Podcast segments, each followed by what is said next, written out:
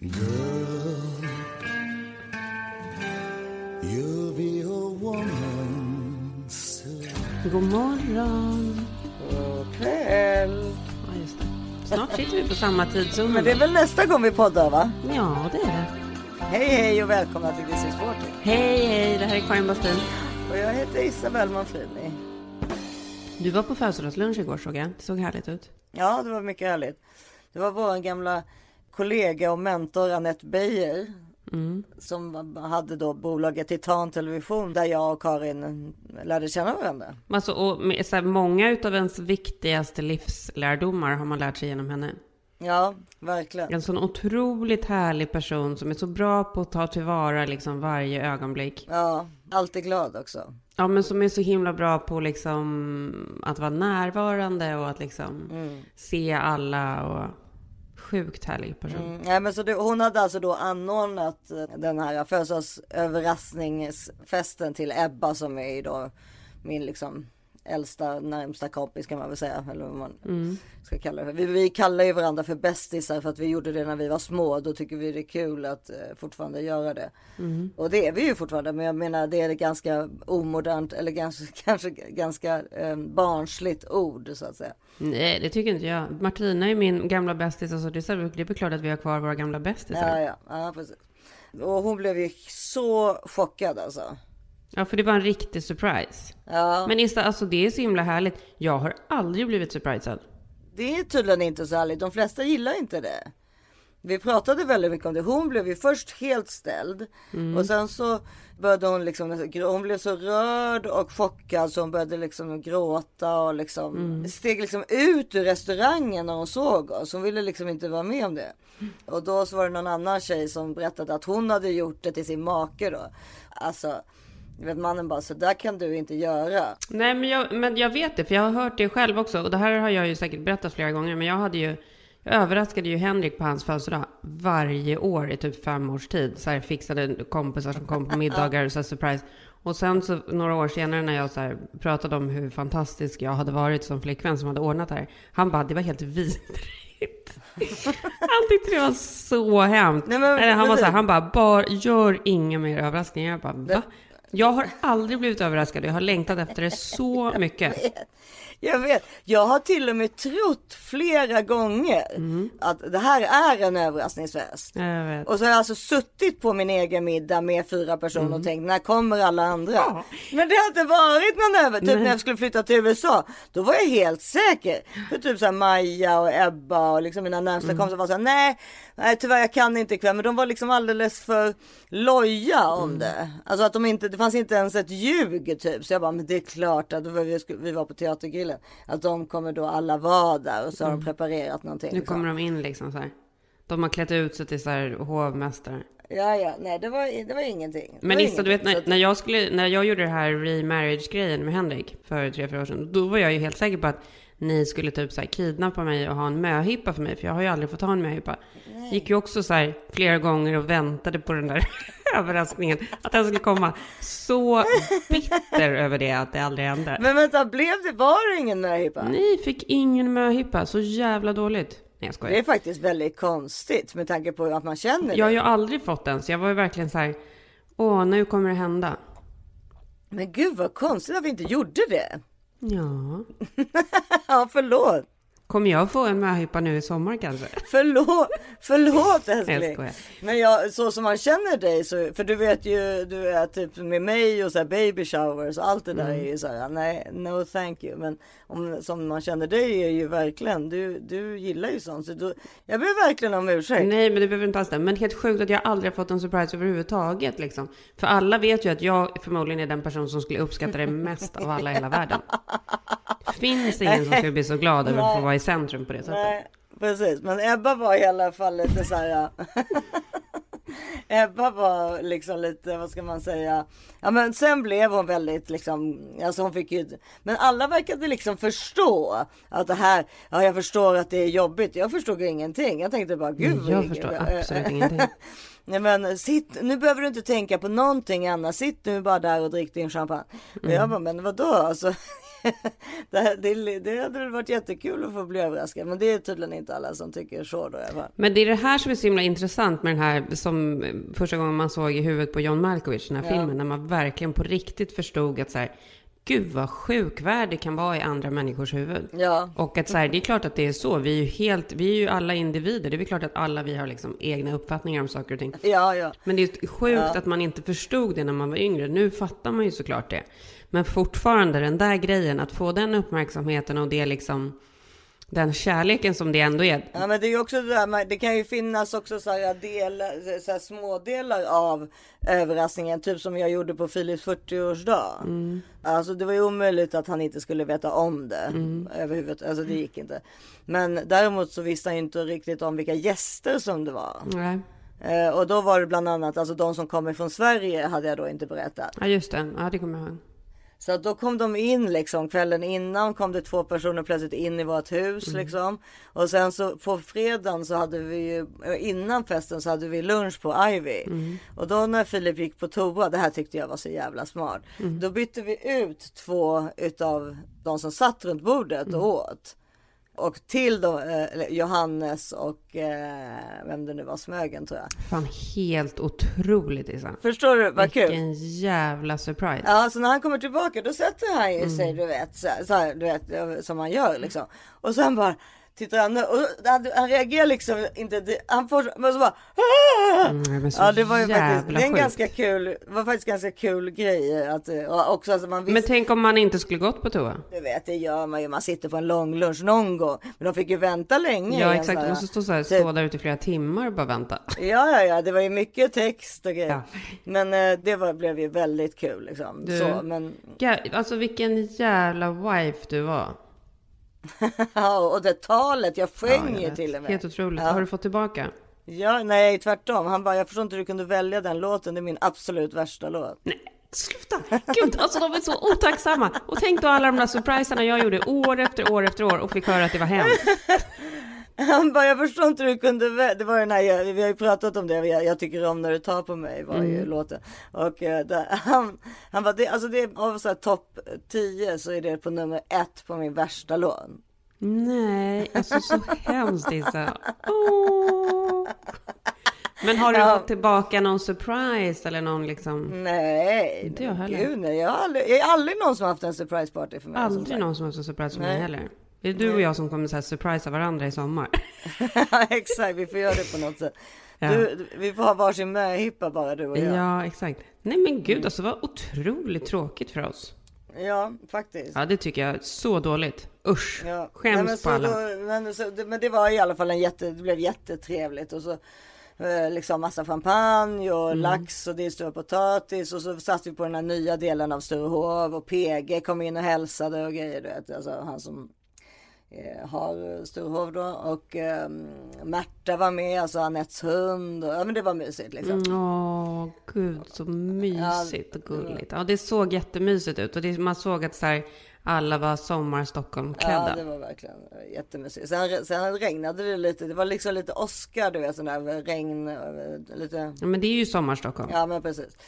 Nej, och sen i, men sen började den här dagen idag. Alltså det har varit i ett, alltså något helt sjukt hur min dag har varit. Varför? Vadå? Det är som om liksom allt jag har tagit på har förvandlats till liksom, har antingen gått sönder eller bara blivit sjukt jobbigt. Du har varit som Frozen-systern som bara tar på allt och allt dör. Ja men alltså det har varit helt bisarrt alltså. Det, normalt sett så blir man ju förbannad men nu har jag nästan, det har blivit att jag bara skrattar åt det. Men berätta, vad har hänt? För först började det med att eh, jag eh, gick in till Oggy och skulle göra någonting i hans rum. Då ser jag att han har fått AC'n då. Det har han haft i flera dagar. Så, för det blir ju ganska varmt. I, Vi har ju, bor ju i vindsvåning. Och då så har den då eh, börjat läcka. Och det är inte lite liksom, utan den läcker, alltså det är som en stor pöl där. eh, Med, Lord. som bara, det, bara, alltså det regnar ner från AC'n. Men så här hade du förra året också Issa. Ja men då var de ju trasiga men nu har de ju varit här och lagat dem så nu skulle det ha funkat då. Men ja så då panik och då jag försökte stoppa det och sen så bla bla. Och då går jag in i tvättstugan och eh, ska sätta på torktumlaren. Då är den trasig. Alltså den låter som om att det vore så här en, eh, vad ska man säga, typ en kniv inne i rotorbladet. Alltså det låter så, alltså det, grannarna på, på första våningen måste höra om man, Ja. alltså, så, ja, man förstår att det är någonting riktigt fel liksom. Oh lord. Jaha, och då precis när jag bara, vad fan, då råkar jag stå, sätta in foten så att jag får ett stort, alltså du vet, på de här metall, liksom tvättmaskinerna, liksom i, i hörnen där, de är ju jävligt vassa liksom.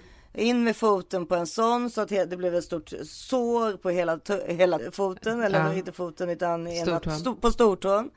Ja och sen så bara, äh, gud jag måste dricka någonting. Då öppnar jag kylskåpet och ramlar en hel, glas, en hel flaska mjölk Ja, det ut. värsta som finns. Jag hatar sånt. Nej men du vet alltså, jag trodde inte det var sant. Nej, Du, du vet, alltså, så det har varit liksom så här, jag borde nog inte gå ut idag för att det, det det verkar farligt. Mm. Så det har varit lite en sån dag. Och sen så har ju då mitt internet varit väldigt konstigt hela Mm. dagen. Och då har jag ju såklart varit duktig som jag visste att vi skulle podda. Så jag har ju varit så här på då vårat eh, support, de som hjälper oss med det. Mm. Och de har försökt sätta av och på och haft sig och ja. Men jag har ju märkt ändå att det inte riktigt funkar. Men ni har, jag tycker ni ofta har problem med ert internet. Ja, men vi hade ju det i början, men sen har vi inte haft det och nu har vi då börjat få det igen. Fråga mig inte varför. Men det, ja, att internet ens funkar är ju ändå faktiskt ganska sjukt. Att jag, att, alltså så här, hela grejen med internet. Tänk den dagen då internet, hela internet slås ut. Ja, men det fanns ju en dag då, då, då jag och Filip inte hade, alltså då vi inte hade internet överhuvudtaget, varken på telefoner eller kunde inte kolla på tv. För alla tv-apparater numera går ju genom internet. Ja, men allt går ju genom internet. Ja, precis. Och då var det ju så här, är gud vad ska vi göra nu? Ska vi, ska vi prata med varandra? Är så jävla sjukt. Eller ännu värre, behöva lyssna på varandra? Ja, det är så sjukt. det var liksom inte alls positivt. Det var det där bakgrundsbruset, där white noise eller vad de kallar det för. Jag vet, det är ju där hela tiden. Liksom. Man spelar musik Ja. det, man kör Men det har ju något. Det har ju något för psyket. Man mår ju mycket bättre av att ha ett white noise. Mm. Än att det ska vara helt tyst. Jag gillar i och för sig tyst också. Men både och liksom. Jag kan, ibland när det blir liksom helt tyst kan jag bara verkligen också njuta av det så mycket.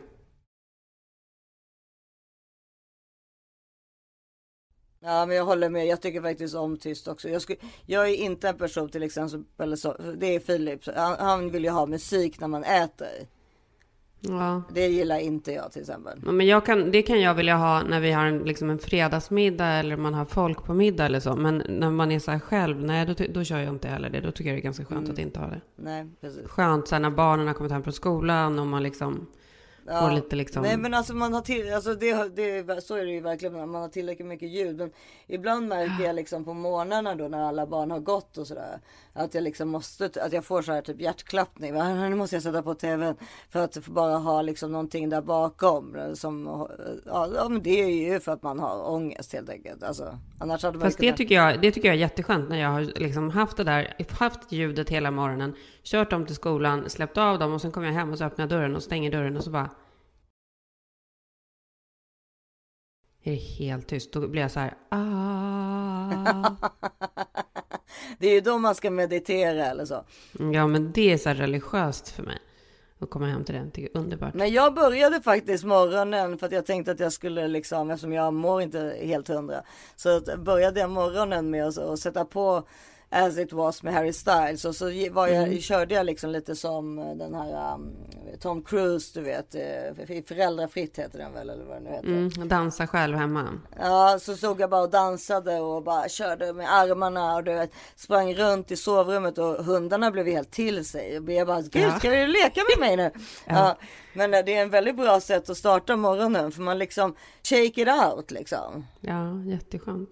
Man får ju bra energi utav det. Ja, men det är väl ett jättebra tips om man, om man känner sig lite låg då.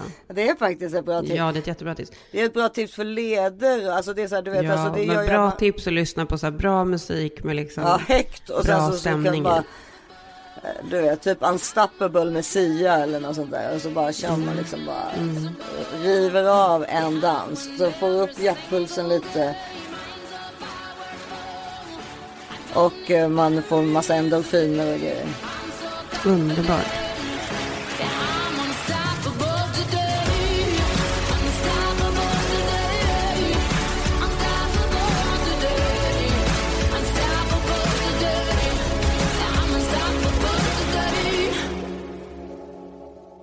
Och den här veckan fortsätter vårt flowiga Flowlife-samarbete. Vi älskar Flowlife. Ja, det tror jag inte någon eh, har gått miste om vid det här laget. Det är ingen hemlighet. Nej, det är ingen hemlighet.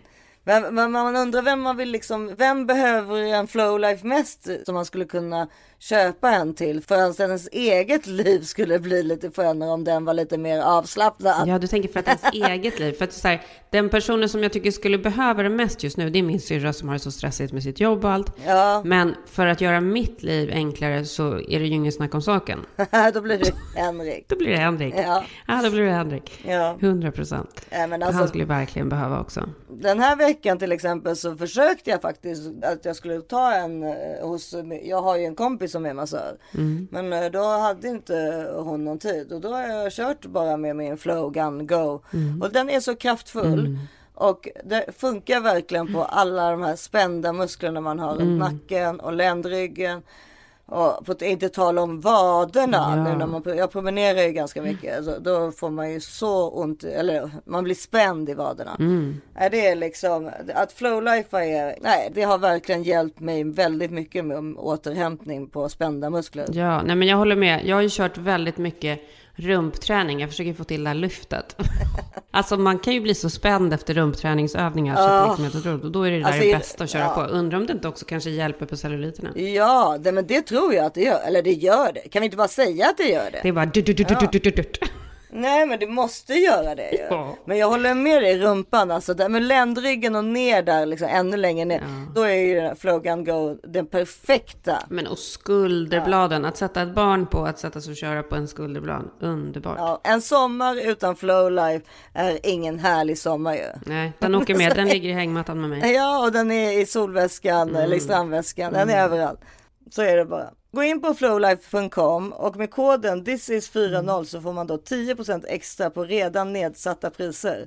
Som vanligt gäller 100 dagars nöjd kundgaranti så att man får chans att lära känna sin produkt i lugn och ro. Precis som Flowgun ska vara. Lugn och ro. Alltså det här är inget vi diskuterar. Ni går bara in där nu. Ja. Flowlife.com.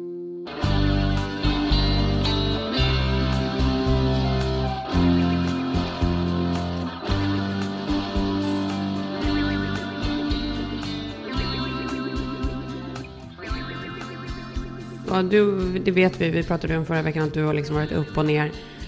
Och eh, så fick vi också ett sånt hemskt chockbesked, apropå också så här människor som har varit, när vi pratade om Annette och sådär också, mentormänniskor. Vi fick ju chockbeskedet att våran eh, gynekolog sen, sen typ alla år tillbaka, typ hela vuxenlivet, dog förra veckan. Dr. Goldberg som 15 år har jag haft honom. Ja, 14 har jag haft honom. Men alltså så här, sån, en sån viktig person liksom, som vi liksom, vi pratat om honom i podden massa gånger. Ja. Alltså han dog helt oväntat, 53 år gammal, förra veckan när han var ute och cyklade. Fick förmodligen en massiv hjärtattack. Det vet man nu eller? Har det klarats upp vad det var för Ja, men det verkar som det. Mm. Ja, men för att eh, det som jag, jag, när jag fick beskedet då blev jag ju liksom jätteilla, alltså grät jättemycket och alltså jag hamnade i någon sorts chocktillstånd liksom. Och det är ju konstigt liksom just framförallt för mig, för jag förstår för dig liksom, för du är ju fortfarande din doktor. Men för, för mig så är det ju så här, ja ja men nu har jag flyttat till Sverige så med största sannolikhet kommer jag ju aldrig träffa Dr. Goldberg igen. Alltså det är klart att det skulle kunna hända men, men du förstår vad jag menar, det är liksom en, ändå en annan sak. Ja. Men man, han var så, alltså det som är speciellt för det första med Amerika är ju att man går, man har ju en gynekolog som man har med allting som gör en cellprov och som gör allting när man är gravid och så. Men sen är det ju också den personen som föder ut ens barn. Det blir ju väldigt personligt för att det är så personligt och den kontakten man har med honom under alla år är så personlig. Alltså det är någonting mycket, mycket mera. Ja men det är också på grund av hans personlighet. Alltså att han, Ja, men det är också så här, det är där, men det är också den där grejen med att det är en och samma person som du har allting med. ja Liksom. men precis. Så att det, det, och det kan ju vara lite speciellt också det där att han liksom föder ut ett barn och sen ska man, det liksom ska han ta en på brösten för att se ifall han känner några liksom, eh, alltså ifall det finns någonting farligt där. Och sen ska han göra cellprov och så ska han, och sen samtidigt så har man då en, en jättenära relation eftersom man har känt varandra så länge. Och han är den sortens person som pratar om mycket så här personliga saker om hur han själv mådde och sådär liksom. Och, Ja, han, man, man hade, det kändes som man hade full koll på honom. Men det var ju också hans strategi för att liksom få folk att liksom vara avslappnade såklart. ja, Men, och han hade ju full koll på en själv. För det var ju alltid så här, det var ju liksom inget...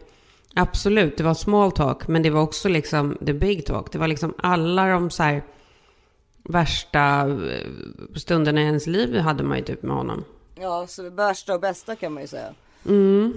För att det som var grejen var ju att jag låg ju då på sjukhus fyra veckor med Greta innan hon föddes. Och ehm, då hade ju Goldberg då, alltså Goldberg jobbade på i Beverly Hills på ett kontor. Men varje morgon innan han gick till kontoret så kom han upp och hälsade på mig på sjukhuset i 30 dagar i sträck. Det är ju ganska otroligt. Alltså då är man ju en ganska bra människa om man säger så.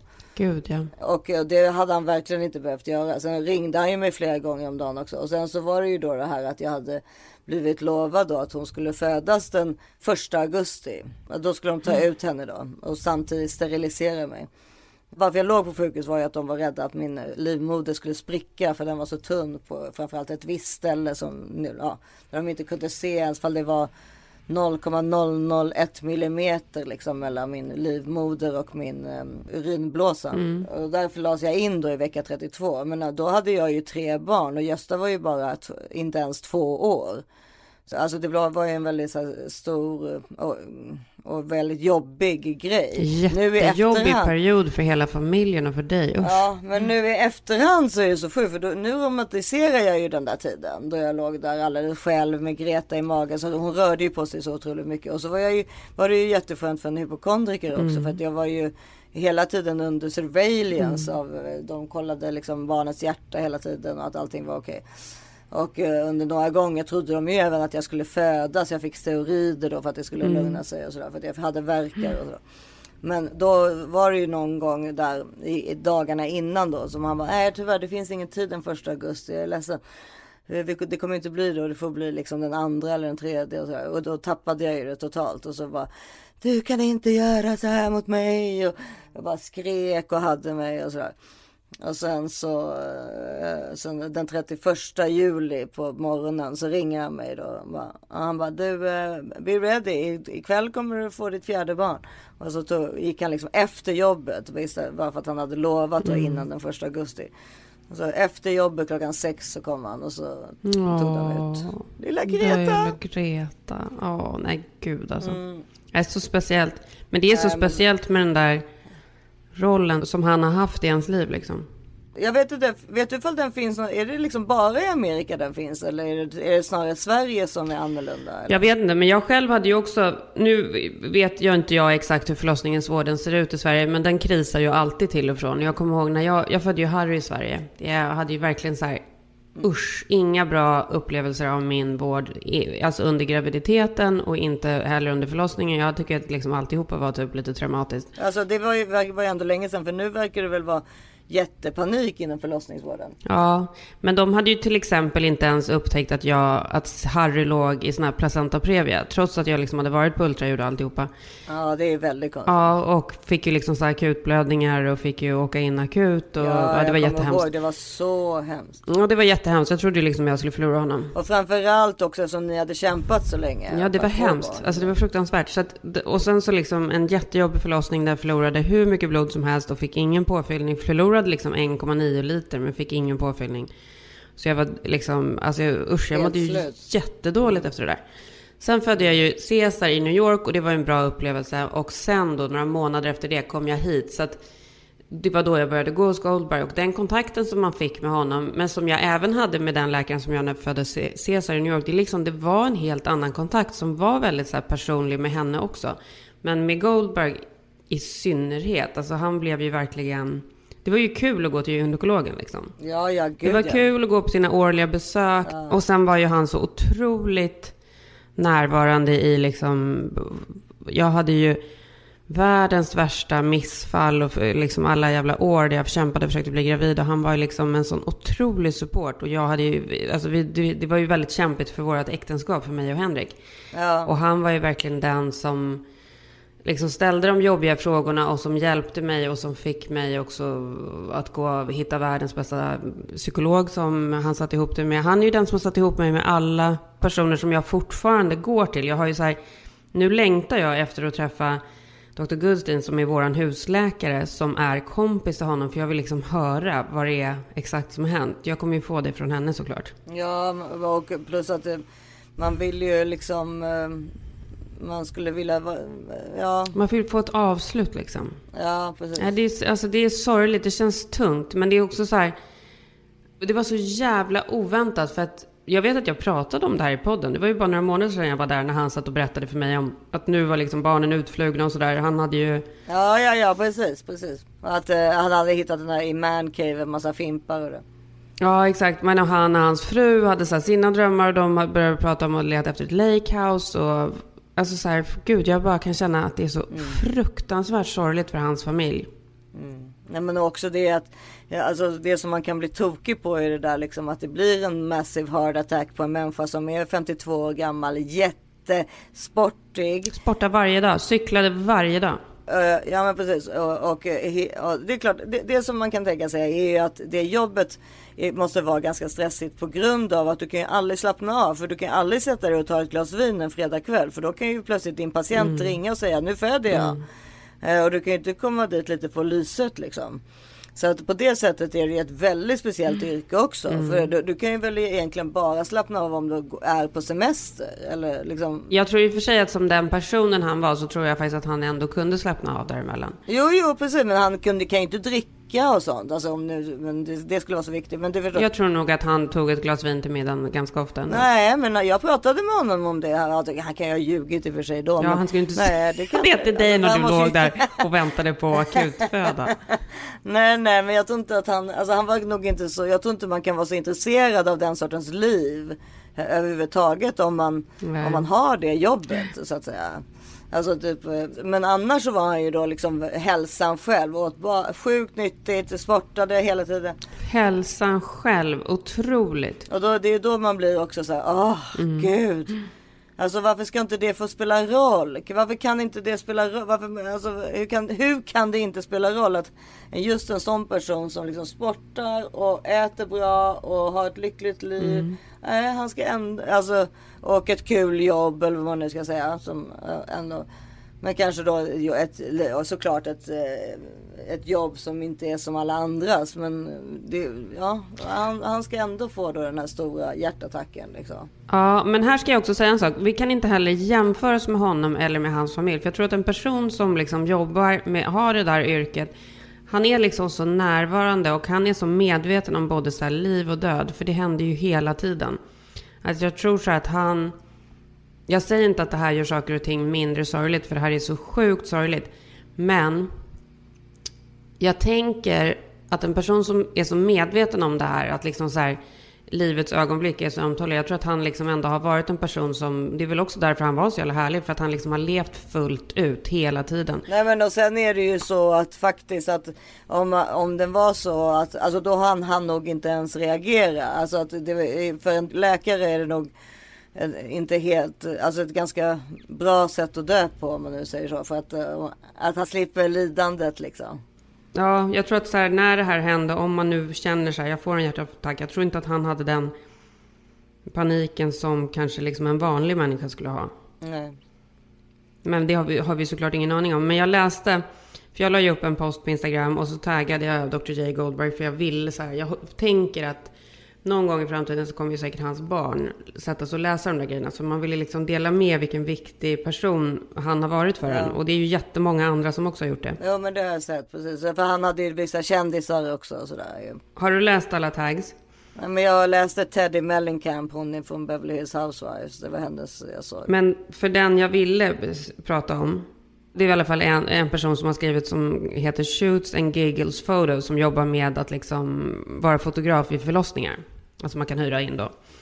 Eh, och hon var då en person som jobbade jättenära honom och var på många av de förlossningarna som han följde. Så han, han rekommenderade väl henne då till, till folk. Och hon har skrivit det här. Dr. J. Goldberg, it's hard to sum up over 10 years of births in just 10 squares. Carefully cropped for Instagram consumption, but here we are. Words can't express What a loss this is to the bird community and all that knew him. To know, alltså det är så sorgligt. To know him was truly to love him and he was loved by so many. One of my most vivid memories with him isn't pictured in these squares. Hon har liksom lagt ut tio bilder från olika förlossningar. Men den här som hon pratar om har hon inte lagt ut. Many moons ago I was sent to Cedars to photograph a stillbirth. And I was full of emotions walking into that delivery room. Det var alltså några då som visste att deras barn hade dött i magen och hon hade liksom mm. blivit skickad dit då.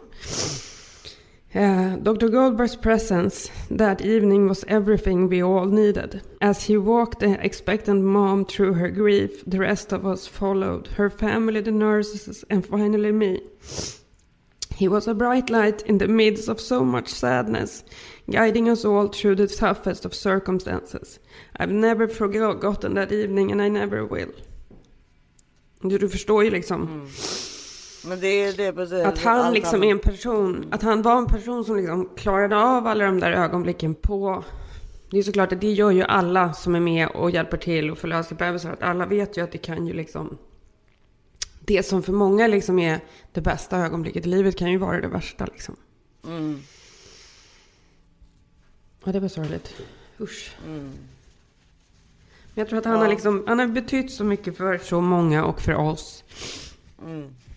Jag vet inte vad jag vill säga med det där, men jag tror att så här, en person som Nej. är så Nej, nära, en person som är så nära liv och död. Har liksom haft en förmåga att liksom påverka folk på ett väldigt så här, positivt sätt. Jag hoppas att liksom hans familj kanske liksom inte hade det lättare att ta det här, men ja, jag vet inte. Svårt. Nej, det, ja, Men det är ju en person som vi aldrig kommer glömma liksom. så är det ju verkligen. Som har gjort så mycket för oss. Och väldigt många andra också. Som han födde ut extremt många barn. Ja.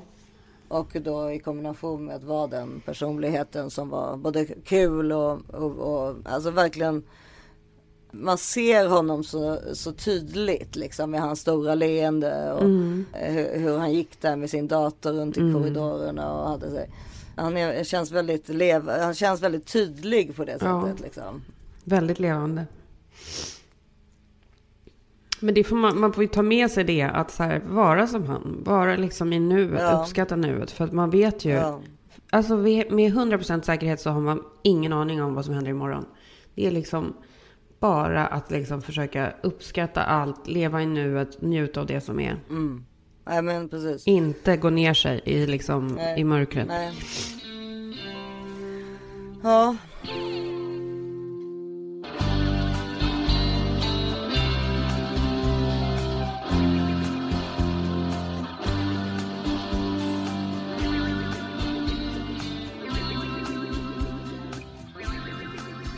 Och den här veckan fortsätter vårt helt underbara samarbete med Just In Case, livförsäkringsspecialisterna.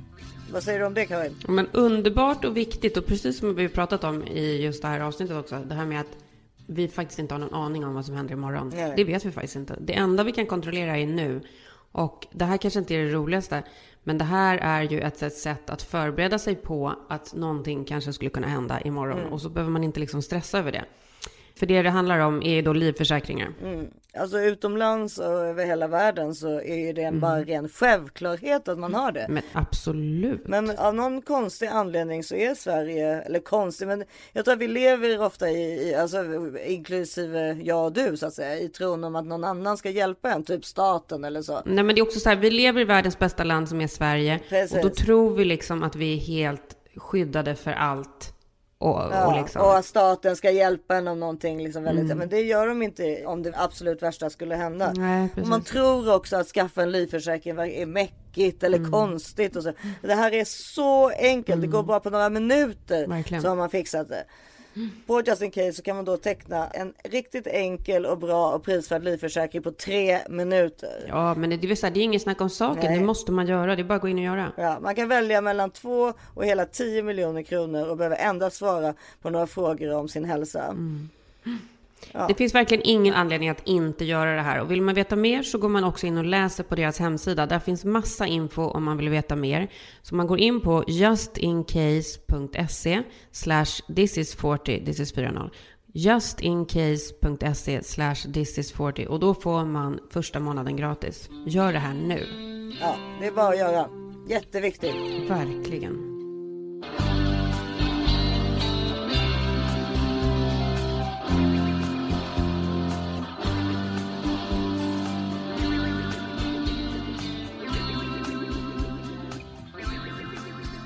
Ja. Hur går man vidare efter det här? Ja, men det är ju det vi måste göra. Det är ju bara att gå vidare. Ja, precis. Både i podden och i livet. Mm. Men det är ju så också. Ju äldre man blir vad det var mycket folk det är ändå som liksom dör. Och, ja, det är ju så. Men det är ju det som är livet. Alltså det är ju det som är livet. Ja, men, ja så är det ju. Men Ja. det är alltid lika kon... Alltså döden är ju så konstig och man, alltså. Jättekonstigt. Nej, det går inte. Alltså, Ja, det, är så, det är svårt att eh, liksom, det är just det där som du säger, att så här, från en dag till en annan. Det är det som blir så himla så här, att det kan vara så att ens vän eller ens vad som, mm, ja, bara försvinner och sen så ser man aldrig den människan igen. Det, det är omöjligt att förstå. Det är omöjligt och det är ofattbart. Och det är ju liksom personer som inte ska dö. Ja. Det, det går inte att förstå att de inte finns. Det är, hjärnan fixar inte det liksom. Och så jag tror ju att det för du vet, alltså ju mer tiden går så är det ju alltid svårare att komma ihåg någons röst eller någons lukt eller någons sätt att röra på sig och så vidare. Eh, Men jag tror att vissa människor har det där mer i sig och Goldberg var ju en sån som man nog väldigt länge kommer komma ihåg allt det där liksom. 100 procent. 100 procent. Så, så är det ju liksom tycker jag till exempel med Tommy också. Att jag liksom att det inte liksom blir lätt. Alltså det är nästan så att det blir svårare med tiden. Ja, det är klart att det tiden- inte blir lättare. Men så är det ju som med min systerson också. Alltså det är så här, det går fortfarande inte att förstå att den här personen inte lever. Det är liksom, Nej. finns inte. Men, det, men så här, vi måste ju ta med oss att vi är här, att våra barn är här, att vår familj är här. Alltså så här, det går inte att gå ner sig, det är det jag säger. Man måste liksom vara så jävla tacksam. Och det är man ju. Även om man klagar så är man ju det liksom.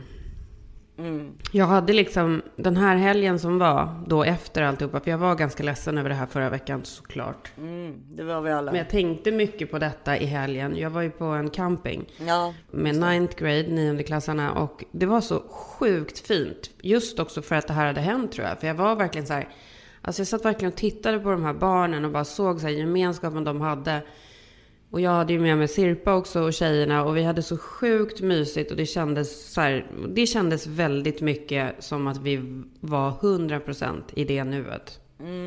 Och kanske på rätt plats efter något sånt har hänt. Att man liksom kan leva i Mm. naturen och liksom. Och vi hade otroligt mysigt. Jag har, ja, så jag har nog känt mig så ganska lycklig ändå på ett sjukt sätt. Men jag tror att det är det man måste försöka eftersträva liksom. Ja. Men eh, alltså det, så campingen var lyckad. Alltså så jäkla mysigt. Sjukt mysigt. Det ju det här stället som du och jag aldrig kom till som vi hade bokat in oss på.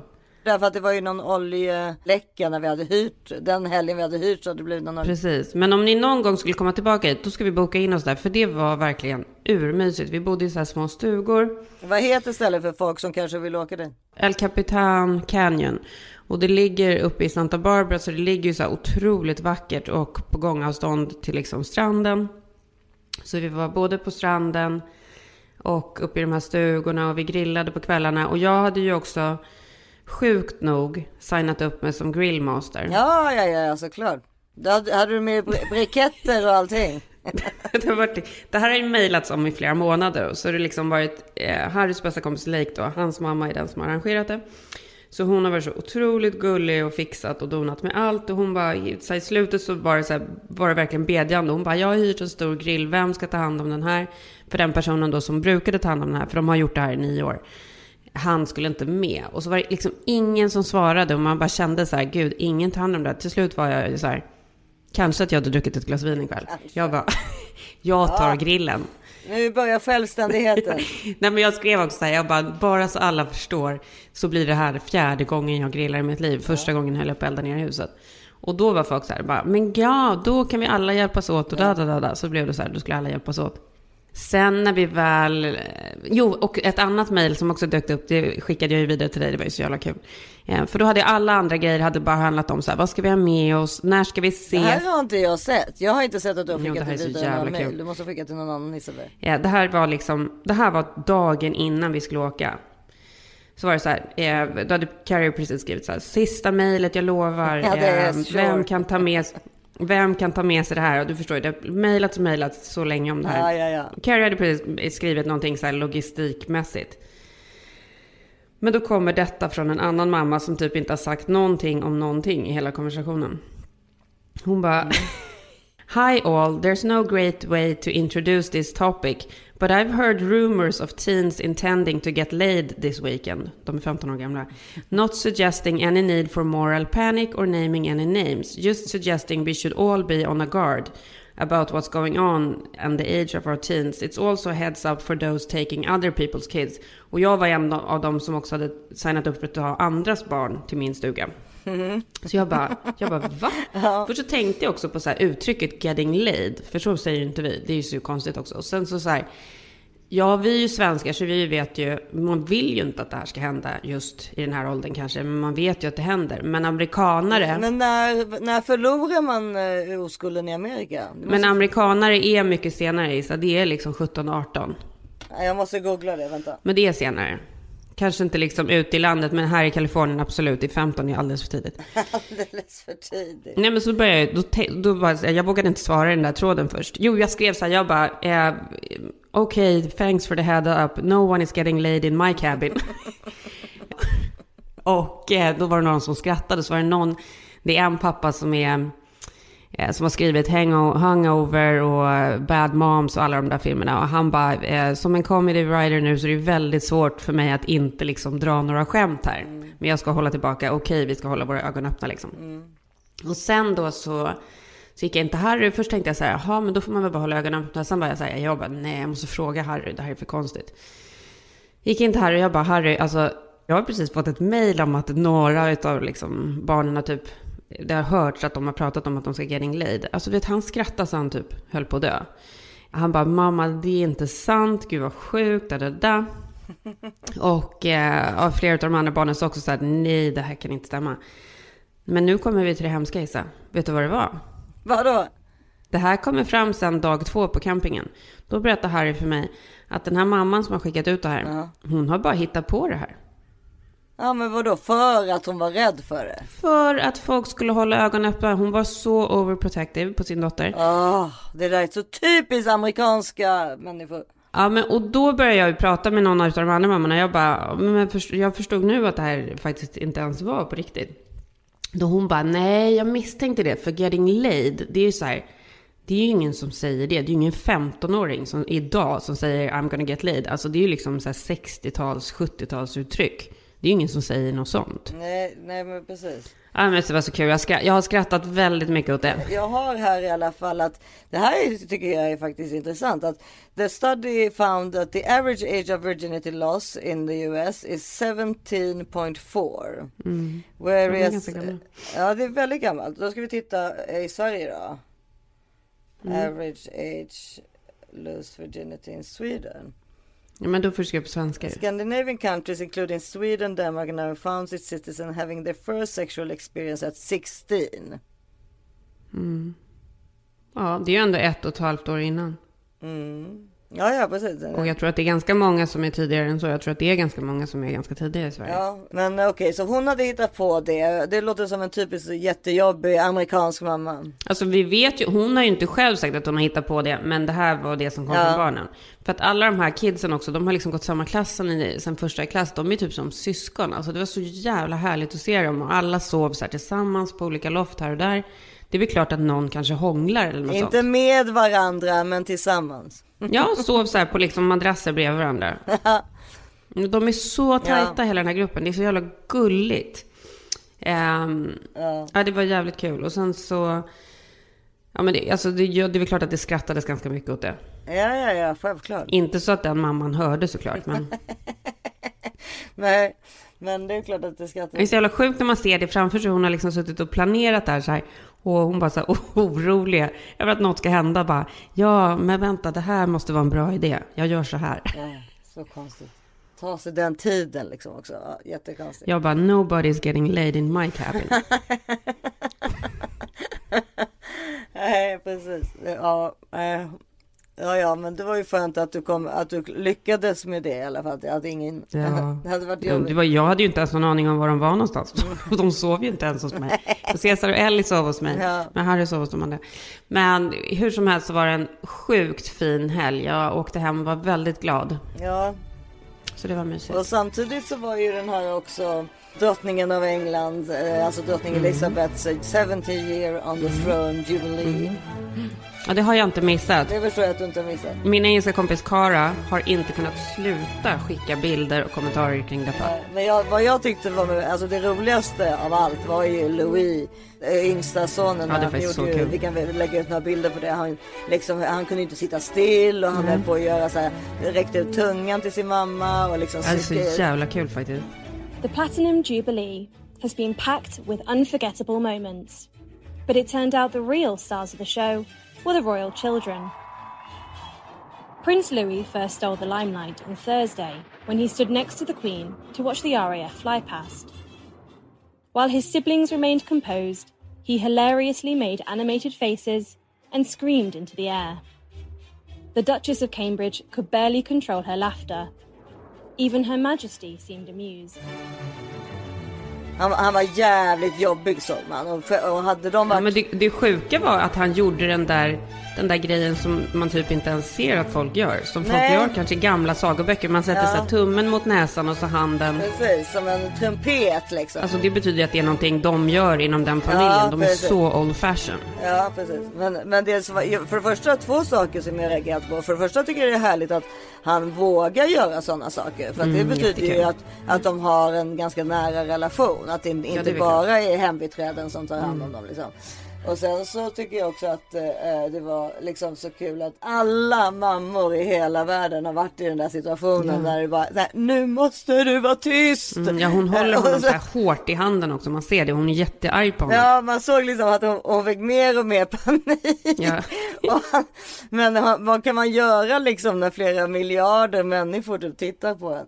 Ja, det är faktiskt för kul. Så jobbigt. Och det, det som är roligt med det här som kommer vara kul för er i podden det är ju att min systers eh, son ska börja i samma förskoleklass som honom nu i höst. Gud så kul! Så att vi kommer, få, Sluta! vi kommer ju få insights där. Men gud, det är det roligaste jag hört. Ja, ja, ja, ja, ja. Så att det blir insights directly from the Windsor family. Det är Ja, liksom, men alltså det är helt fantastiskt. ja, ja, ja. Är det inne i London då eller? ja. Gud vad kul Lisa. Alltså det är så här, du vet, det går inte att komma in på den skolan. Nej. Men Gloria, alltså om det är någon som vet hur man kommer in och hur man gör för att komma in på olika ställen så är det min syster. Du vet, har skrivit brev och det är julkort och det är sen liksom han föddes, eh, Andrea som han heter då. Mm. Som nu då ska gå i samma klass som Louis. Nej men gud, det är så kul. Jag orkar inte. Åh Ja, det, blir väldigt, väldigt bra. Vi är så nära olika saker så att ja, ja, nej, men alltså, vi är i smöret. alltså vi är i smöret. Ja. Vi är i smöret, så jävla in i smöret. Gud vad jag älskar det. Gud vad kul. Ja, det blir, ja, det blir bra. Så det kan ni se fram emot i höst, kära lyssnare. Ja, det gör vi. 100 procent. Ja, har du tittat på något på sistone? Jag har ett boktips. Ja, vad kul. Dagens boktips. Jag har samlat på mig en liten hög med sommarböcker. För att det här året kommer jag faktiskt hinna läsa. Jag har läst ganska mycket, alltså redan nu. Jag har ju legat liksom på kvällarna och läst. Jag är inne i en här läsperiod. det är så Åh, skönt. det Jag är tror det att det är för att jag har hittat... finns. Mm, jag tror att jag har hittat de perfekta läsglasögonen. Jag tror att det är därför faktiskt. Det är de här som, jag vet inte om du har sett att eh, Gwyneth Paltrow har de där jättetjocka svarta bågarna. Det är ett väldigt speciellt, väldigt speciella läsglasögon. Jag kan lägga upp dem på, Det är väl Celine, eller? nej, det är inte, mycket billigare. Jag kan lägga upp dem på uh, vårt konto faktiskt också. För de är, det är så skönt att läsa med dem. Du borde köpa dem. Gärna. Det är bara läsglasögon liksom. Och så här, skydd för blått ljus dessutom. Så med de glasögonen har jag då tyvärr också börjat på boken som jag skulle läsa, som jag skulle börja sommaren med hade jag tänkt. Men nu blev det liksom okej. förstart. För att jag också, ja, men jag har pressat mig i järnet också eftersom jag ska flyga på lördag. Och då vill man ha så här, då vill man ha börjat på en bok så att man är inne i den. Så att man inte ska, för det är svårt, det är ju väldigt svårt att komma in i en bok. I alla fall när man är som jag. Du har höga förväntningar med lilla Ellie där att du ska sitta med och läsa Men bok. jag ska läsa. Jag ska ja. 100% läsa. Okej. Men så där jag var tvungen att liksom läsa klart den här snabbt, för jag insåg att nu, jag, liksom, den, den var en sån bladvändare, så jag var så här, nej men gud, då måste jag liksom köra klart den nu, så får jag börja på en ny till flygresan. För det är jättejobbigt att ha en och så har man bara liksom några sidor kvar. Ja, men då får man ju ha två böcker med sig. Jag menar, mm. Mm. Så då, men då ska jag därför tipsa om den här. Det är liksom ingen Nobelprisbok. Det är en vanlig jävla bladvändare. Men det är kul, tycker jag. det är jättekul. Återträffen. Mm. Det låter spännande. Ja, men det är faktiskt jävligt spännande. Isa. Det är också på franska rivieran. och Du vet vad jag älskar böcker som är skrivna om miljöer på franska Ja. rivieran. Det är ju bästa jag vet. Ja. Det har jag pratat om förut. Jag älskar ju tv-serier, filmer, böcker som handlar om sånt. Mm. Men det är en deckare, eh, eller så här, mystik liksom. Mm.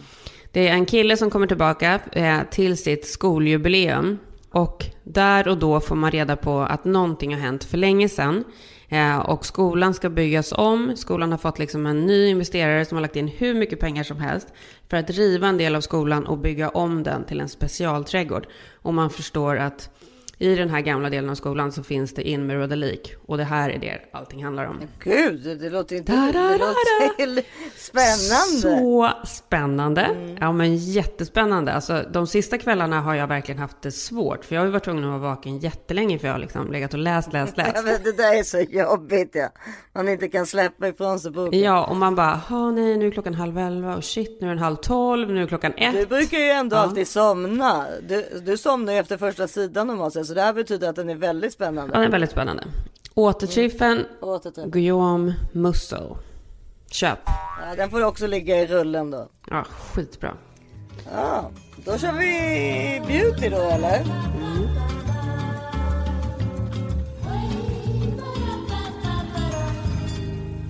Beauty, beauty, beauty. Jag har ett jättebra tips. Vad kul. Ja, jag har den bästa sommarrogen från Charlotte Tilbury.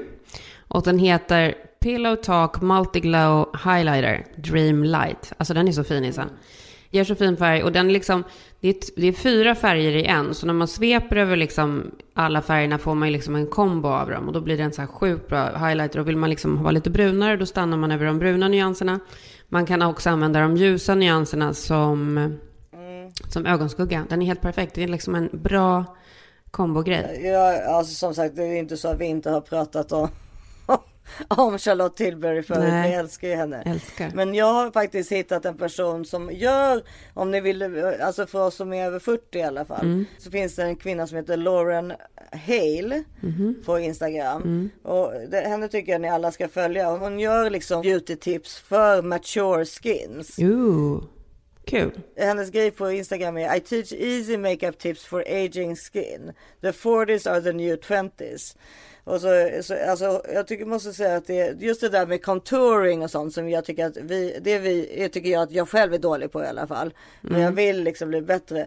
För jag förstår ju att man kan göra massa saker med contouring som är väldigt, väldigt positivt för uh, utseendet. Kan du stava hur, vad hon heter igen? Jag kan inte hitta henne. Lauren. Lauren, L-A-U-R-E-N. Mm. Ja, det är ett L där sen också. Lauren L och sen Hale, H-A-L-E.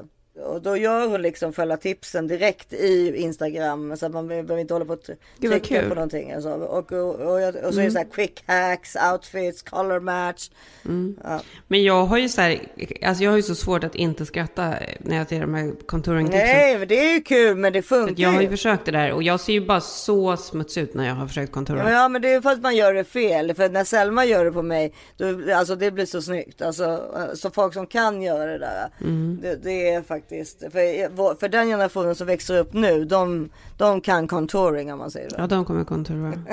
Ja, vad kul. Bra tips. Ja, men så att eh, tills ni hör oss igen så se, eller vi hörs nästa vecka helt enkelt. Vi så älskar er alla och vi älskar eh, att eh, vi får ha den här tiden tillsammans också. Ja, vi älskar varandra. Vi älskar varandra. Ja, det gör vi. Och snart ses vi. Nästa vecka så poddar vi i alla fall i samma stad. Så kan man väl säga. Mysigt. Mys, mys. Ja. Puss och kram tills vi hörs då. Hittar ni oss på Instagram som this is 40pod och jag heter Karin Bastin. Och jag heter Isabella Fredrik. Puss puss! Hej. Hej. I'll smile, know what it takes to fool this town.